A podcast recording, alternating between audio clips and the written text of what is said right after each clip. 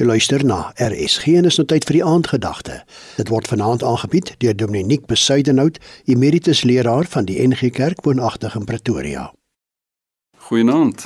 Het jy al daaraan gedink hoe baie keer die Bybel ons gedagtes en standpunte heeltemal weerspreek en selfs omkeer? Vat nou maar Jesaja 57 vers 15. So sê hy wat hoog en verhewe is, hy wat ewig leef en wie se naam die heilige is. Ek woon in 'n hoë en heilige plek en ek is by hom wat verdruk en nederig is. Die ou Afrikaanse vertaling sê wat verbrysel en nederig is.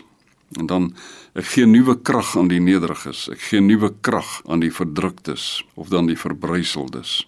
Dis nie altyd hoe ons oor die dinge dink nie, nie waar nie? Ons laat ons so maklik verlei om by hulle wat swaar kry en ly verby te kyk en net hande te klap vir die sogenaamde wenners. Natuurlik niks fout moet wen nie, inteendeel, maar as dit ons so skeel laat kyk dat ons nie meer 'n reguit oog het vir die leed en lyding in die lewe nie, dan gaan die rooi liggies aan. Ons laat ons ook maklik verlei om te dink dat 'n mens nie iewers gaan kom as jy nie stampend stoot op mense trap en jou pad oop boelie nie.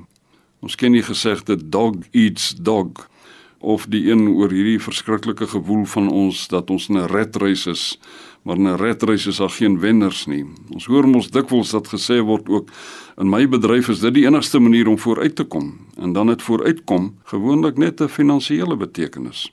Terwyl jou mens wees, jou regte mens wees, die heeltyd agteruit gaan. Hierdie verbasende uitspraak in die Bybel oor waar die Here op 'n besondere manier teenwoordig is.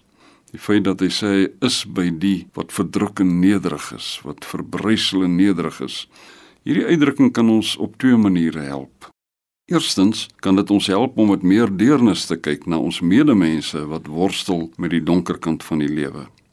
Dis waar ons fokus in 'n besondere sin moet wees, om te bid, om te help, om net daar te wees, om lief te hê sonder voorwaardes.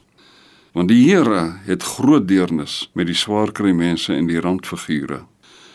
Ons dikwels sê ag dis hulle eie skuld en so voorts. Maar wat sou gebeur het as die Here dit oor ons gesê het? Maar tweedens kan dit ons ook help deurdat dit natuurlik ook vir my en jou die wonderlike stukkie goeie nuus kan wees wanneer die lewe dreig om ons fyn te maal, wanneer ons voel asof ons voete gaan gly, wanneer dinge net te erg raak. Die hoë God sê hy is by jou. Hy is by jou. Hy sê jou nuwe krag gee. Totsiens. Die aandgedagte is vanaand aangebied deur Dominiek Besuidenhout, emeritus leraar van die NG Kerk woonagtig in Pretoria.